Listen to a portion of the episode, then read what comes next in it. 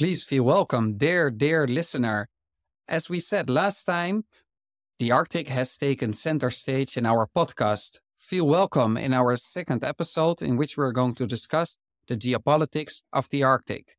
We're going to do that with our honored guest, Mark Drinkwater, and my good friend and podcast partner, Rajiv Lakshmi Prasad. We're going to discuss the more hardcore geopolitical interests of the Arctic. And that's the first question I would like to raise to you, Mark. What are the most important hardcore geopolitical interests in the Arctic? That's a good question. I guess the main interests revolve and have revolved over the last years around territorial claims in the Arctic, with the so called Arctic Five countries, which have a direct coastal connection to the Arctic, uh, being involved. Oh, yeah, so the Arctic Five have this direct coastal connection to the Arctic Ocean, and they are Canada, Russia, the United States, Denmark through Greenland, and Norway. And of course, they border the Arctic Ocean directly. They have a coastline, and they're obligated by having that coastline, of course, to protect their coastal waters. And so they've been the main countries that have been involved in the Arctic debate. But of course, there's a wider group that have Arctic interests than just those five, and that's the so called Arctic Eight. The Arctic Eight are the main members of the Arctic Council, and this is comprised of a larger group with three additional countries beyond those Arctic Five, which include also Finland, Iceland, and Sweden. And so the Arctic Council, beyond the Arctic Five, is probably the most important body in terms of Arctic governance. Now, in recent years, the Arctic Council has become the main intergovernmental forum for discussing matters of regional interest or Arctic wide interest. And uh, the permanent members of the Arctic Council are, of course, those eight countries, but there are a number of observers that are also entitled to sit at the table. Some of those are organizations like the World Meteorological Organization, and there are other countries that are entitled to sit at the table as an observer as well. Now, the purpose of the Arctic Council was to deal with governance issues that face the Arctic states and also which face the indigenous peoples uh, who are living in that part of the Arctic, which are the Inuit and the Sami peoples of the north. So the council is effectively helping to further the organization and governance of the region um, What's their most important goal? Avoiding conflict or really settling issues? And this well, there's a combination of both. If you talk about real tangible needs, there's a responsibility of the Arctic Five, for instance, to offer a search and rescue service. So if you want ships traveling through your coastal waters, an international economic zone, then of course you're obligated to provide a search and rescue function. That means that there are organizational issues like how do you hand off responsibility as vessels transfer from one geographic zone to another. Who's responsible for an oil spin spill, for example?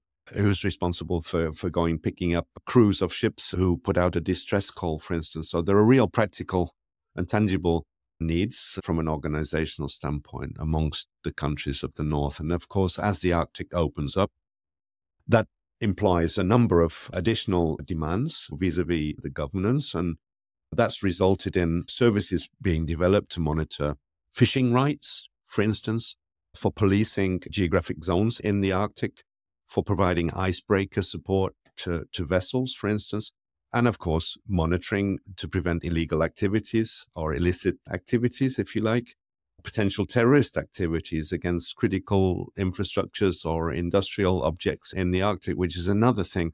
Nord Stream is an illustration of the sensitivity of that kind of thing, as are underwater communication cables, which are also responsible for transferring our huge volumes of satellite data, for instance, along optical fiber cables between Spitsbergen and Europe, for example.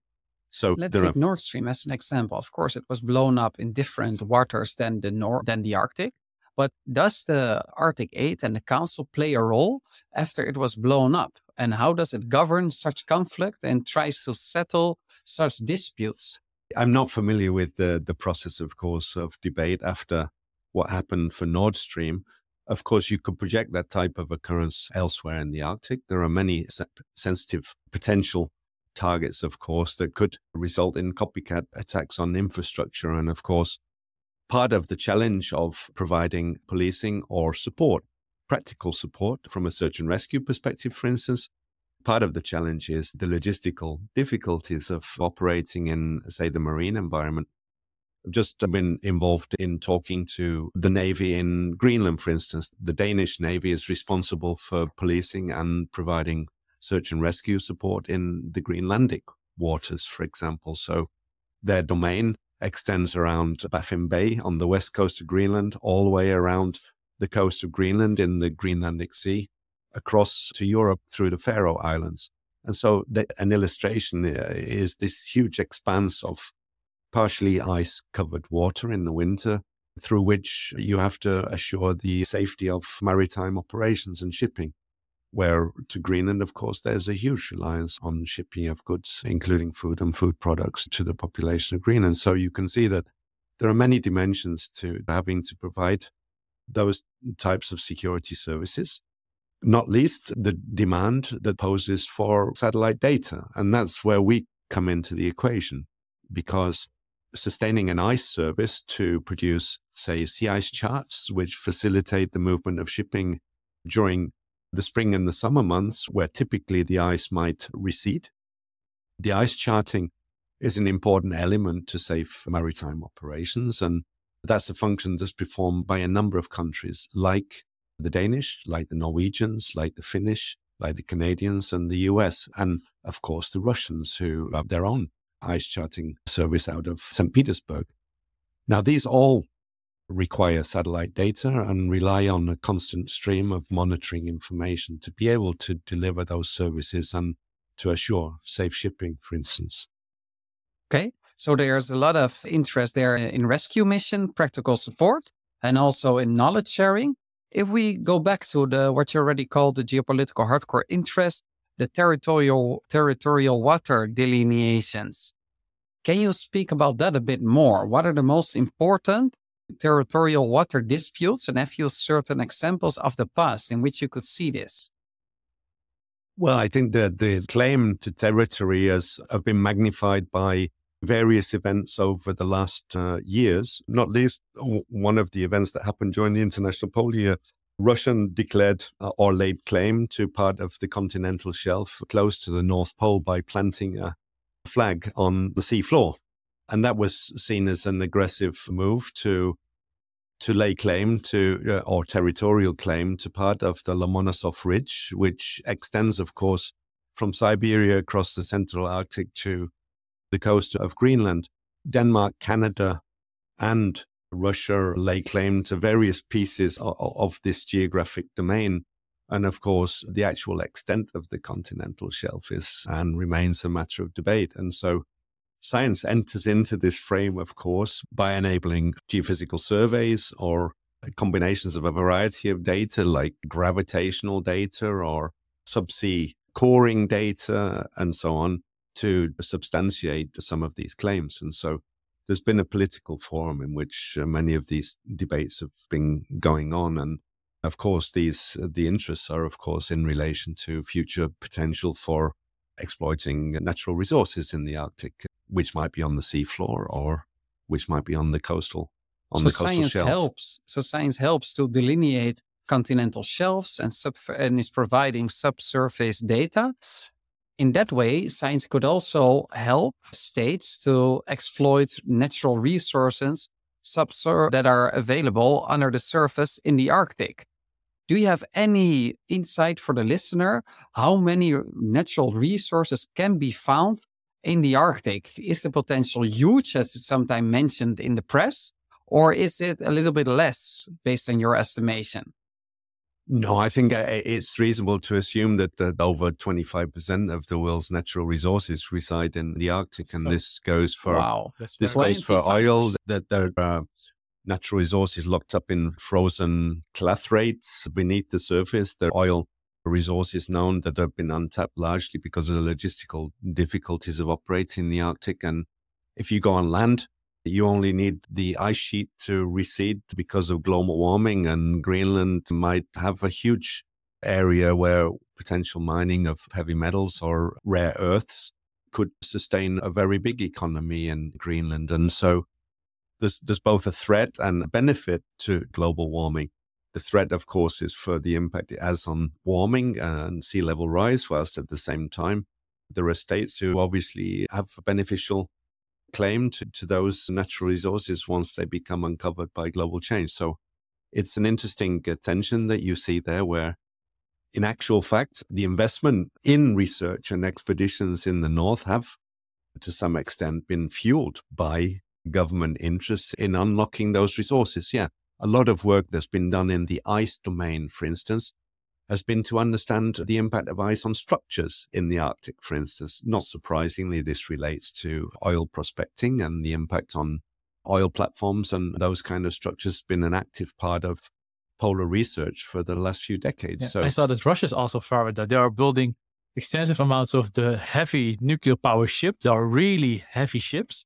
And one of their jobs is besides helping other ships going through the Arctic is mainly helping tankers to go through the oil refineries and mm. such. I also think that they are that's one of the main reasons they're heavily investing in Arctic marine uh, heavy yes, ships. And in fact, part of the activities in the last few years have been in relation to reopening many of, ironically, many of the Arctic research stations that have been founded during the Cold War have been spun up again by Russia to reinvigorate, if you like, their Arctic programs at the same time, as well as the infrastructure investments in bases around the circumpolar Arctic.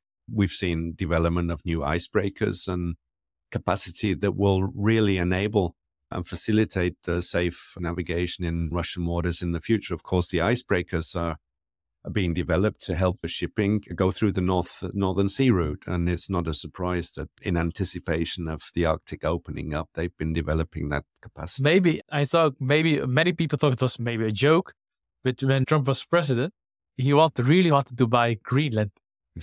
so say yeah, it was a joke, or some people thought he was really serious. But was it also maybe because of I don't know if he was really thinking it through, but because of the yeah the minerals that are in the Arctic oceans. Greenland's been a, a location of uh, extreme strategic importance, of course, for the US since the Cold War. In the cold during the Cold War, uh, the US was responsible for building stations in Greenland for the purposes of monitoring incoming missiles, for instance, and they had listening and watching stations on top of Greenland for that purpose. Of course, these have been used since the Cold War for research stations. So it's interesting this coexistence between the development of infrastructure for the purposes of the Cold War that have subsequently allowed polar research to flourish. And yet now we see the mobilization of these infrastructures and resourcing for activities in the polar north for probably very different reasons again now today. But it's having an impact on the obviously the amount of investment in activities in the polar north. And so we, when you say another Cold War, it's yeah, it's an interesting phenomenon that's driving activities in, in the polar north to even new. I heights. think it's inevitable. If you are saying that around 25% of the minerals are in the North Pole, and knowing mankind, I don't think they will just let it there. I think it's like the new when the new world was discovered, the Americas, that many countries would like to rush in, including China including like, China. Yeah. Indeed, yes, yes. Yeah, so and that'll come. Yeah, that'll yeah. come for sure. It, it, it, let's turn back to one of the regulatory frameworks for how all of this development should take place, kind of in a sensible framework. Because, yeah, we should talk about um, what happened during the Interpolar, International Polar Year was establishment of the so-called Ilulissat Declaration.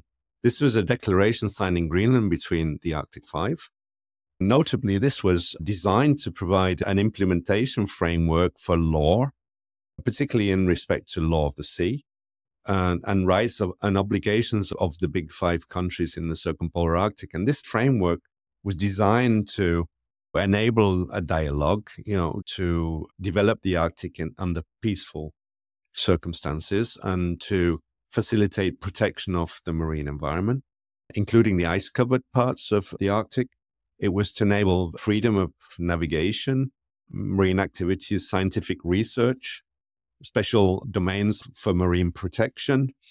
And of course, uh, the idea was to facilitate this dialogue and to have a framework in which you could foresee safe activities in the Arctic.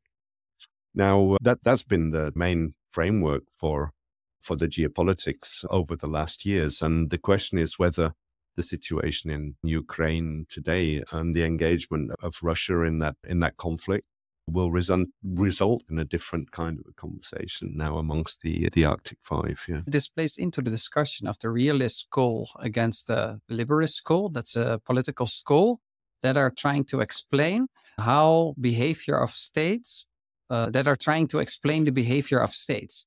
And the realists say that at the end of the day, there's a zero sum.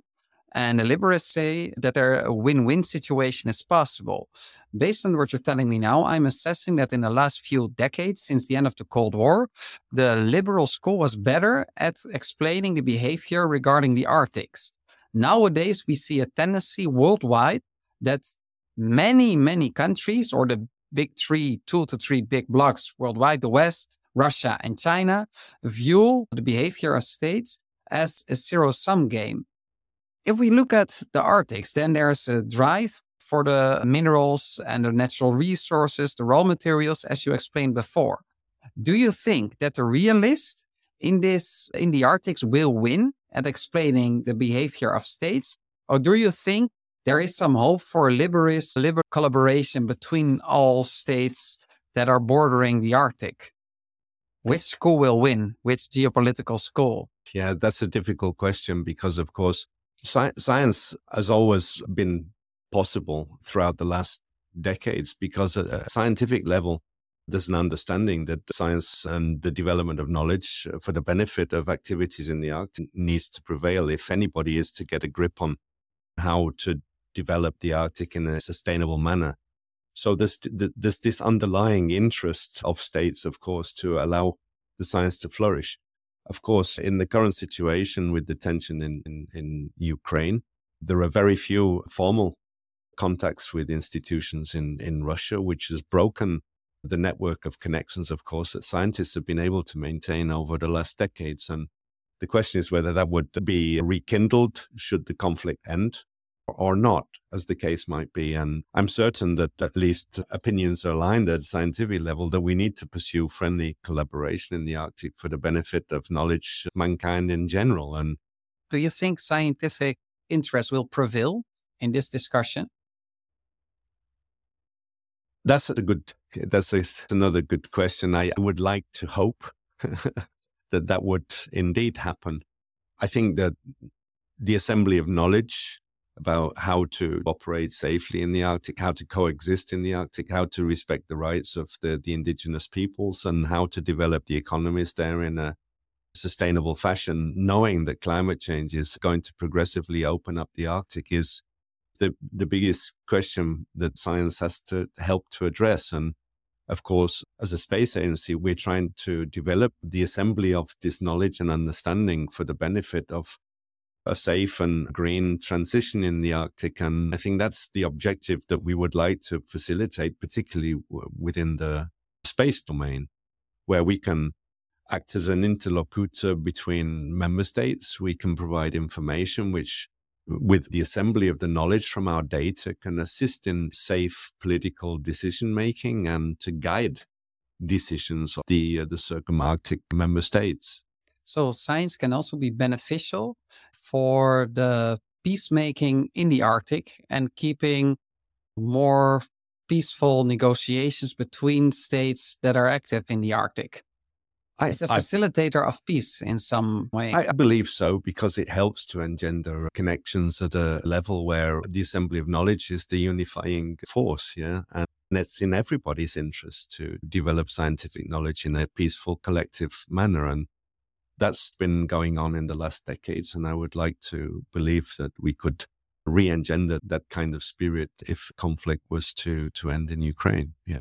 Okay, then we've spoken about the pursuit of minerals. Do you think what is more important in uh, as a driver in the geopolitics of the Arctic? Is that access to natural resources or access to maritime routes and oceans? Especially from a Russian perspective, this could be a discussion in their minds, I can believe. Yeah, I think that the opening of the sea ice in the Arctic has driven a lot of the debate up until now because for many decades we, it was forecasted that the ice would be uh, the Arctic would be ice free in the summer months in the 2030s. It's looking increasingly likely that uh, we'll have an ice free Arctic within the next couple of decades, at which point any seafaring nation could consider sending its ships with supplies through the Northern Sea route. Now, the question is whether they would have to travel through Russian waters or Russian coastal waters aided by icebreakers or not. At least in the last few years, it's been the case that ice conditions are quite unpredictable. And only this last autumn, a lot of ships were stranded in unfavorable ice conditions and rather thick ice conditions along the coast uh, of the Siberian Shelf. And as a consequence, the Russian icebreakers had to go and rescue many of those vessels. So it's not completely predictable at the moment. And as a consequence, many shipping organizations still likely to use the, the Suez Canal for access between Asia and Europe, for instance. And so um, making transportation of goods uh, more efficient is, is probably the biggest driving force for interest in that route through the Arctic. And we talked about China's interests, for instance, in making the transportation of goods to Europe eh, even more efficient. And we've heard how. And maybe less dependent on the US. If you go through the Strait of Malacca and the Suez of, Channel, yes. you're in American territory. Of course, not literally American territory, yeah. but in American Empire territory. If you go through the North Pole, so, so we've heard about this concept of the polar Silk Road. Yes. China, yeah. China have keen interest, of course, in helping to develop maritime routes through through the Arctic because of the efficiency of transportation of goods to Europe. And the polar Silk Road concept is underlying, of course, Chinese interest in developing relations with Russia. And so that's in the background, of course, to this whole debate about how the opening of the Arctic would increase trade through the Northern Sea route, for instance. And do you think this? Uh, normally, Rajeev is always saying it's trade that unites and politics that divide. And you could say that the driving force of exploration is going to divide countries for explore for natural resources, while trade could unify countries. Do you think if the main driving factor in the geopolitics of the Arctic is going to be the access to oceans, there might be unifying power there, even in the dynamic of geopolitics? Well, it, the opening of the Arctic certainly increases the range of countries that can become engaged in Arctic trade and in use of uh, Arctic sea routes. So, undoubtedly, many more countries than simply the Arctic Five today or the Arctic Eight, in, in terms of Arctic Council countries, will be ultimately engaged in using the Arctic, uh, be, be, it as a trading route or as a means of accessing resources in conjunction with some of the Arctic states. So, yeah, I'm sure the geopolitics of the Earth will, will be modified significantly by climate change, and that's probably inevitable. But whether it'll divide or unite um, is really a question which is difficult to answer at the present time because of the ongoing conflict. And so we'll have to see how the situation evolves. Okay. Very interesting indeed. Will there be a unifying or dividing dynamic in the geopolitics of the Arctic? But just to make it clear for our listeners, to what extent do you think Russia could be a seafaring nation because of the melting Arctic? Yeah, that's a that's a good question. Uh, arguably, Russia is already a seafaring nation. They're accessing LNG, liquid natural gas, from ports on the Yamal Peninsula. They're processing minerals like at the nickel processing plants, and they're shipping along the Siberian Shelf, linking ports together today. And so, they already see the importance of this maritime artery. And at the same time, the Russians have been developing an icebreaker fleet to assist um, other vessels in the Arctic uh, from other countries that want to use the Northern Sea route. And so clearly, uh, they've been developing their capacity in this area not least also in the military domain. Meanwhile, Russia's conducting war games in a, in a 150,000 kilometer square area in the Barents Sea off the coast of Norway. This involves Russia's northern fleet with approximately 15 warships and, and submarines supported by the Air Force and coastal air defense units. So the Arctic is a hive of, acti- hive of activity in Russia at the moment. Is um, Russia currently the strongest military power in the Arctic? No, that's a also question. back in uh, Eastern a- Europe. I'm not party to many of the things that are going on in the defense sector and public space is, is certainly not wandering into that terrain very often. And so, yeah, there are a number of Arctic states that have clear mobilization of military assets in the Arctic. And I've seen this tendency in, in many of the surrounding Arctic countries, but which, which country Should has the most power is a difficult question to answer. I can imagine. Is this militarization? Should we fear this militarization? As European Union, European citizens? Not as long as, as there's a healthy dialogue, I think, amongst the Arctic states, which the, there are forums for having these dialogues, although I don't know the extent to which withdrawn from the conversation in, say, the Arctic Council over the last years. The, the most important thing for the future is to maintain these fora for a healthy dialogue, to avoid geopolitical tensions from rising to the point where we approach any kind of conflict in the Arctic. At the moment, I would say that conflict's not likely, but of course, we have to maintain that that dialogue.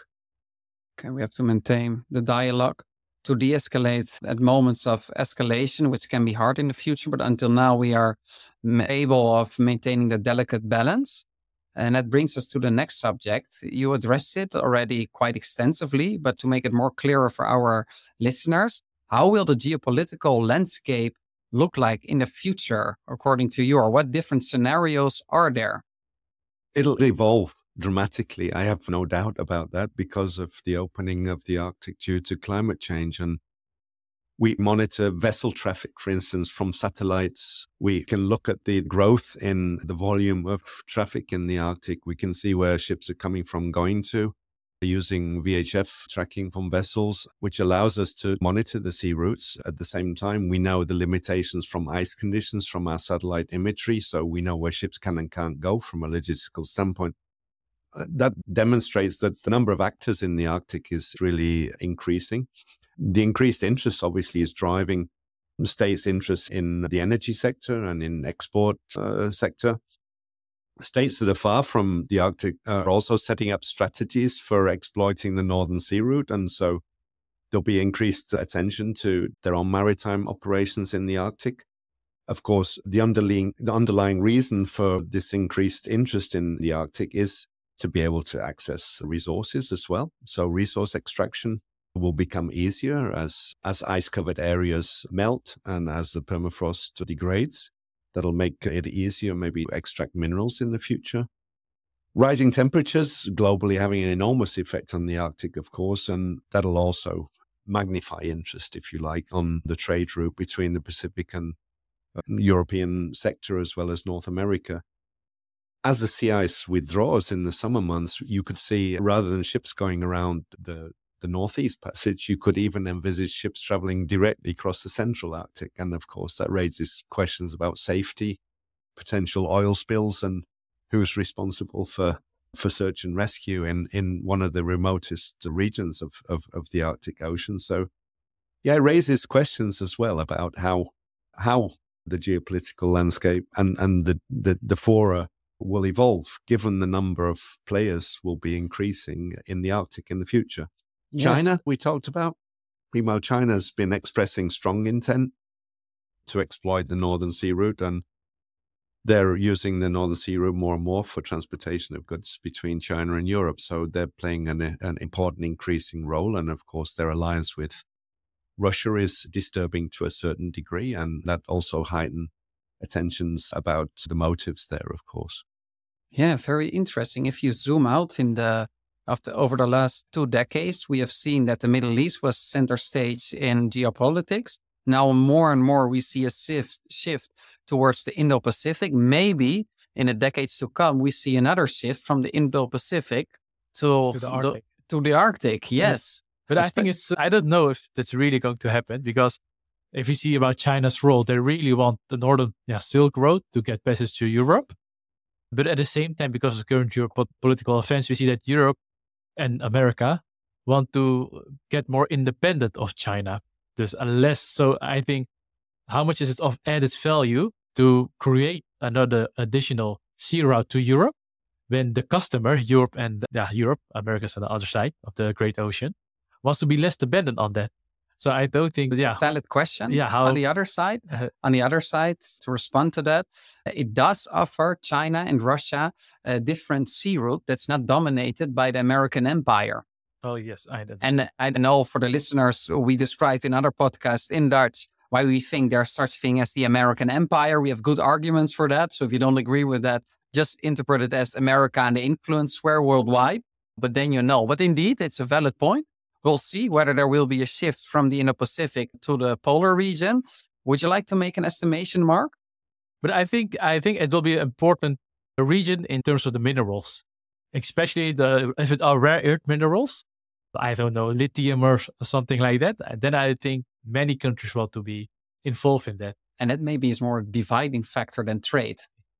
Yes, I think. So then maybe the realist school will win in this equation, in this debate. Yes. Sorry, Mark. Yeah. No, with climate change, obviously the geopolitical significance of, of Middle East uh, will wane. But of course, we with migration, we'll see far more intense interest uh, focused on the Arctic simply because of the impact of climate change on migration patterns. And so it's inevitable that as people move north, that the focus shifts with latitude. So that's one mm, real consequence of climate change. Yeah. I have another question on, on different subject. It's about we had to briefly about it the privatization of space. We see in America there are further than that. We have the of SpaceX of Elon Musk. We have Blue Origin of Jeff Bezos, and also Virgin Atlantic want to have Virgin Galaxy. You heard about that? And more and more in the because of the war in Ukraine, I now know there's also Maxar Technology, a private company that also has their own satellites. Yeah, just me as a European know American examples, but I don't know any European examples. How is the privatization of space in Europe? And uh, yeah, do you think that's a good or not so good thing? Yeah, at least within the European Union, there's a huge stimulus now being put into the commercial sector to develop the same kind of commercial capacities that, that exist on the on the US side that's leading to considerably more or greater investment in the private sector. Of course, I'm in public space agency, so we we see it as a, a threat as well as something complementary. It's a threat because governments that are investing in commercial space, of course, are not necessarily investing the same amount of money in public space. So we have to coexist with the commercial sector in the space business. But there are many places where we see that the coexistence is beneficial. Yeah, I see that with okay. NASA that NASA yes. get yeah they get government money so, and from the government they do yeah bidding. Yes, so let, let's use some tangible examples. The EU is financing this flagship program called Copernicus, where we're developing a number of publicly funded satellites for the benefit of assembling knowledge, not only about the Arctic, but about the globe in general. At the same time, the commercial sector is being uh, financed to develop similar types of information, but which are very complementary to the type of, of data that we collect. Examples are today in the in the weather forecasting sector. You would never have imagined that a commercial company might be able to play an interesting financially sustainable role in in the weather prediction sector. But today we have companies like Spire and Cloudspace building capabilities to provide information that's used in weather forecasting models. And that's one example where commercial space is playing an important role. Another one is that, that our satellites are largely designed to collect data at the global scale. And one of the things which is most complementary is our commercial satellites to provide very high resolution information at local scale. So we can complement one another by, by the ESA satellites collecting global scale data, complemented by the commercial sector that provide images at much higher spatial resolution that are of much more local I- interest for applications and services. So within the frame of Copernicus, we now have coexistence companies that are acquiring commercial data. And through data buys, they're, they're also providing these complementary sources of information alongside our European Space Agency satellite data. So we're learning to coexist with the commercial sector. It's a growing sector in Europe, and it's going to be stimulated more and more by funding from Horizon Europe and, and through various European Union funding instruments in the future. I think there are different types of privatization or even collaboration in space.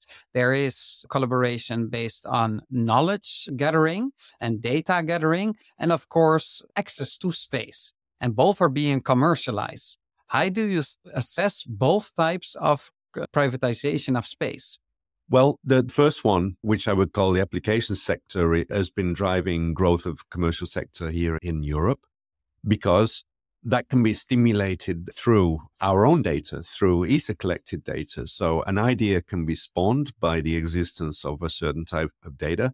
And then companies find a market niche for developing a service or an application of those data, which can enable them to develop a business.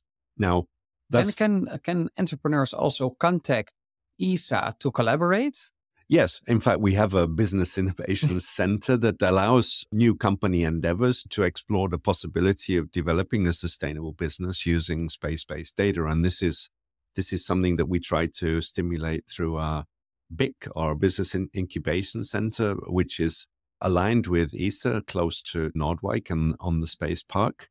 And that provides a, a small environment in which new companies can in, investigate and elaborate on their business idea and we can help them to mature the idea for it to become a commercial success. So also the ordinary entrepreneur can collaborate with with ESA, of course, in specific domains, not for everything. But then the second type. So the second part was related to access to space, tourism. Mm, well, yeah. there's different types. First uh, of all, if you have a, your commercial satellite, you need to launch it, and today there are no commercial small launchers inside Europe, and so there's a whole new sector being stimulated in Europe at the moment, which is the small launcher segment, which would allow you as a commercial company to launch your small satellite, which would be a microsatellite, washing machine sized or smaller CubeSats, as we call them.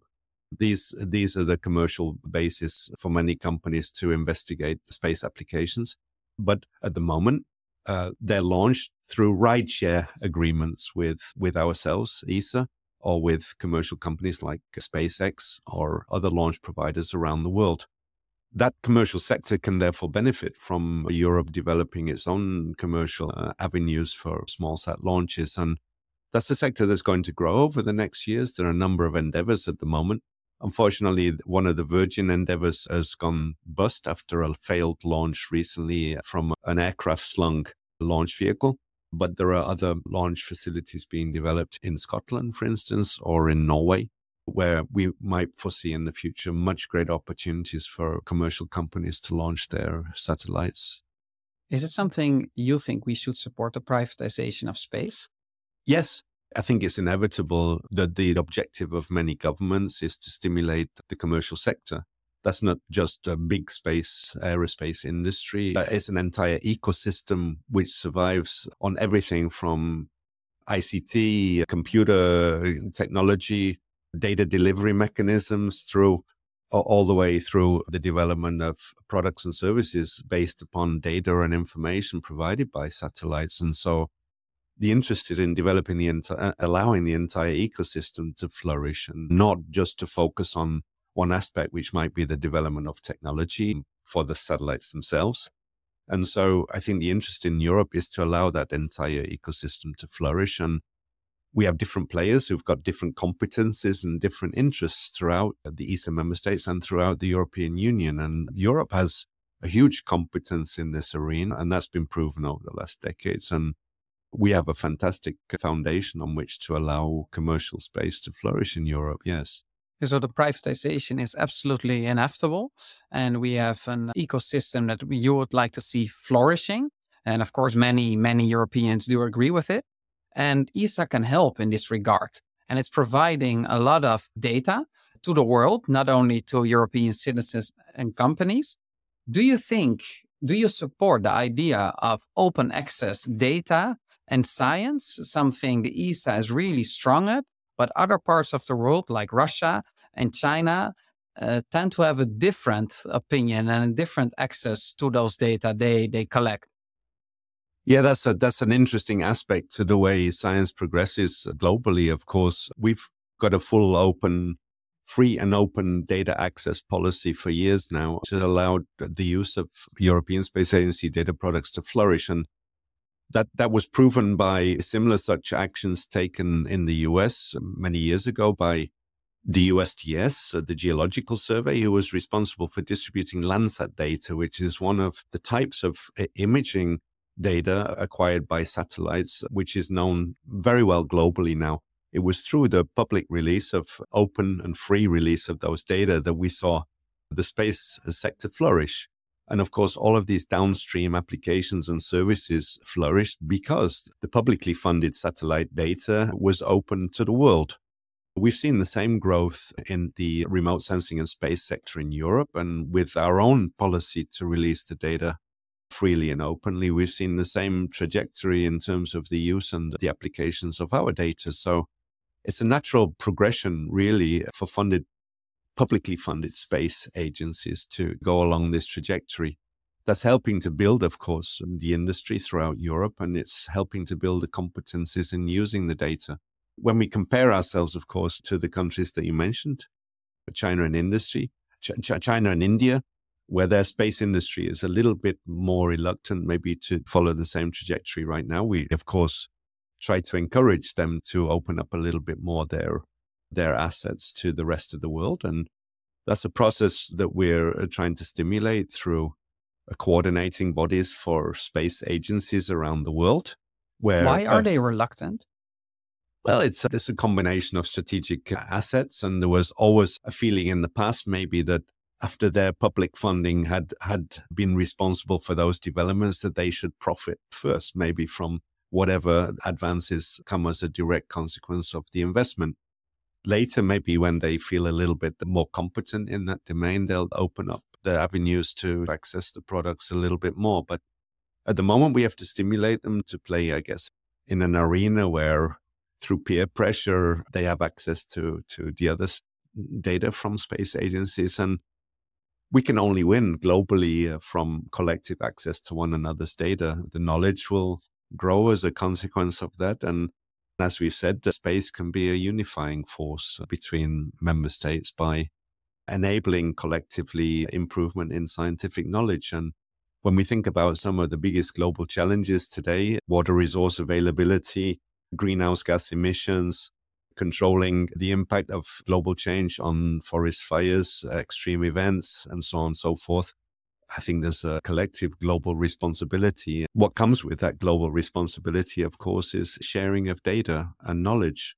So, to face as humanity the biggest challenges of this time, we need knowledge sharing worldwide and access to each other's data.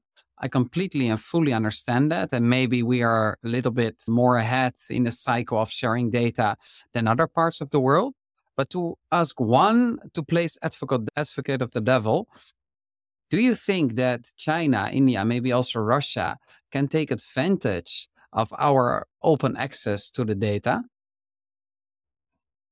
Of course, of course they can. And that's one of the negative aspects, possibly, of the fact that we do make it free and openly available.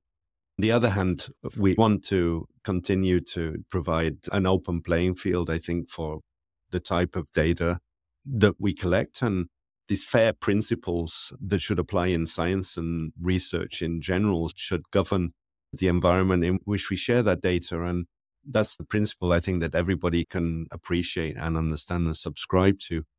Whether they, they gain strategic advantage from accessing our data is a good question. That everybody has equal access to those data today. So arguably, they don't gain a, a, a specific advantage from consuming vast quantities of our data. We know that China's one one of the biggest users of, of Copernicus data, for instance, collected by European Union funded satellites. And uh, whilst whilst that might be worrying, it demonstrates an avid community in terms of consumption of our data in Asia in general. And that's also a good sign about the value of our space assets in Europe.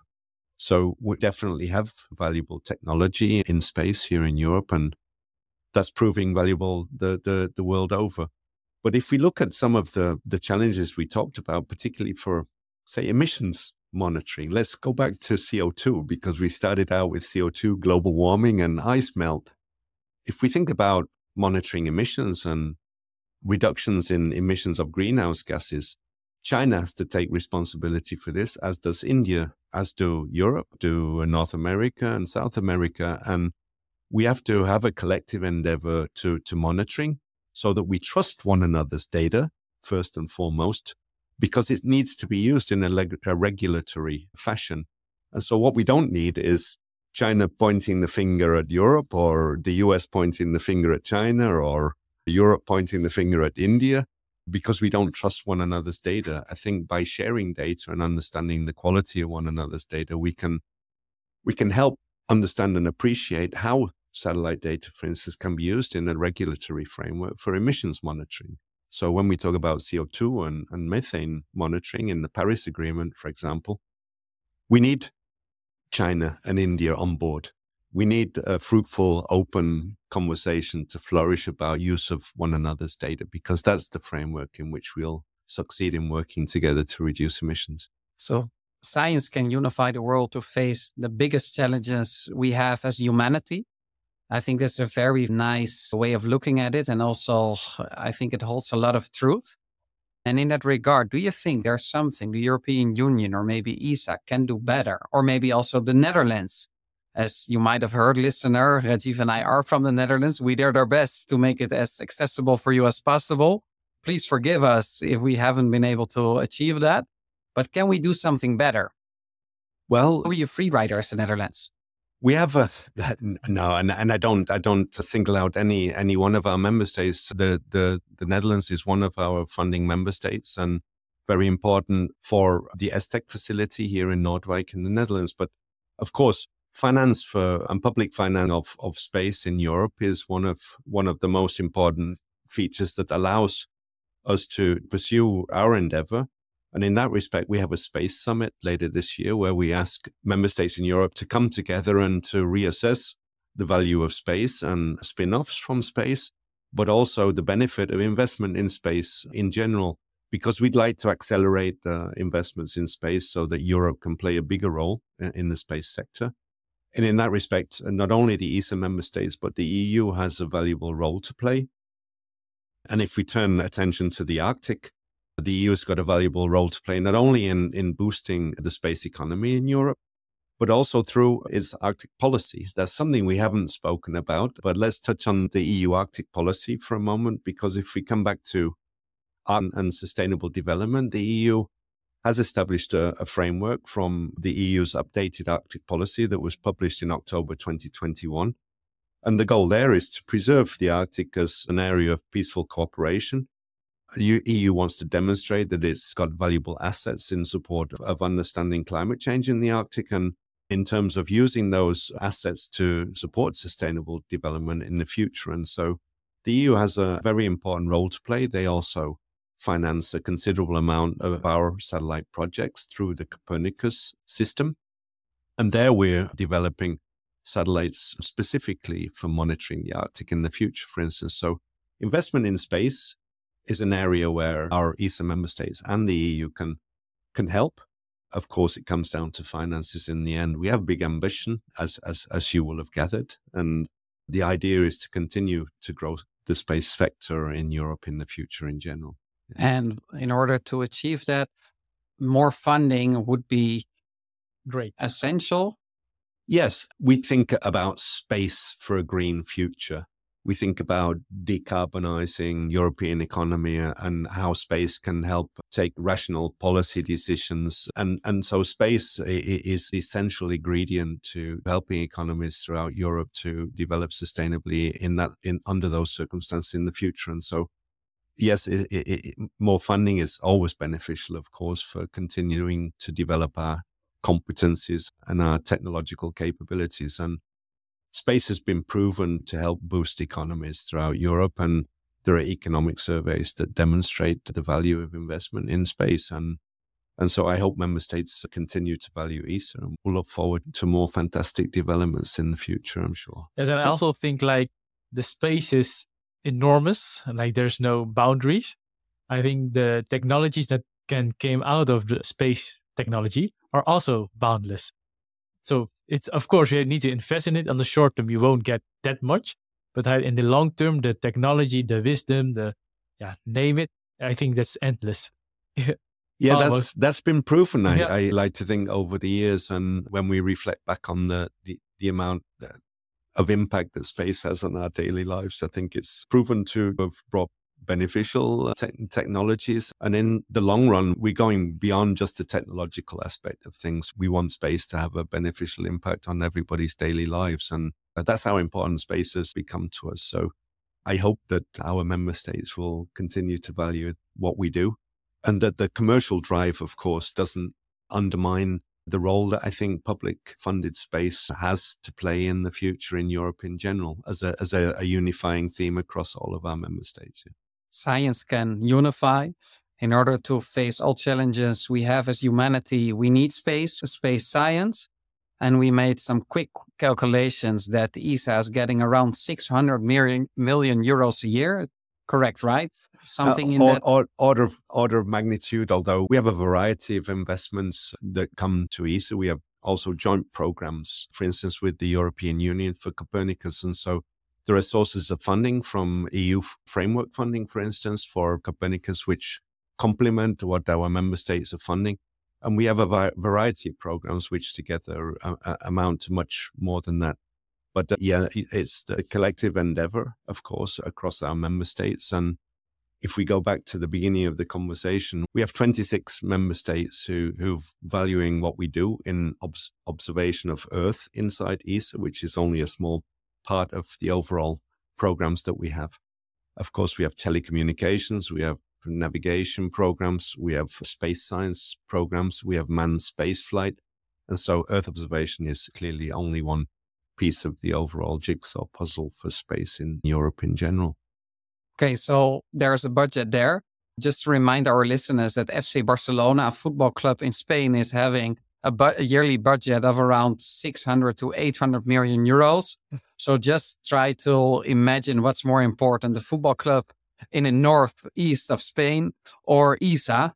And then to all policymakers, of whom I know there are many from the Netherlands who are our listeners, please increase the budget for the Netherlands and maybe also elsewhere in Europe the humanity needs it and we can benefit from it ourselves as well. And also the economic growth will expand in the years to come. That brings us to the end of our podcast. Mark Drinkwater, thank you very much for coming. I really, really appreciate it.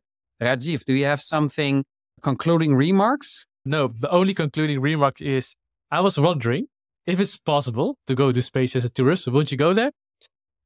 I would, of course, take the opportunity today. Maybe the risk of the past uh, have been reduced today. Space is a safer place, but that's opening up, as we've seen, the avenue for space tourism in the future. So who knows? Let's hope that the next podcast we will record it somewhere in space. Yeah. I think that's a very excellent last Yeah. question. Thank you very much, Rajeev.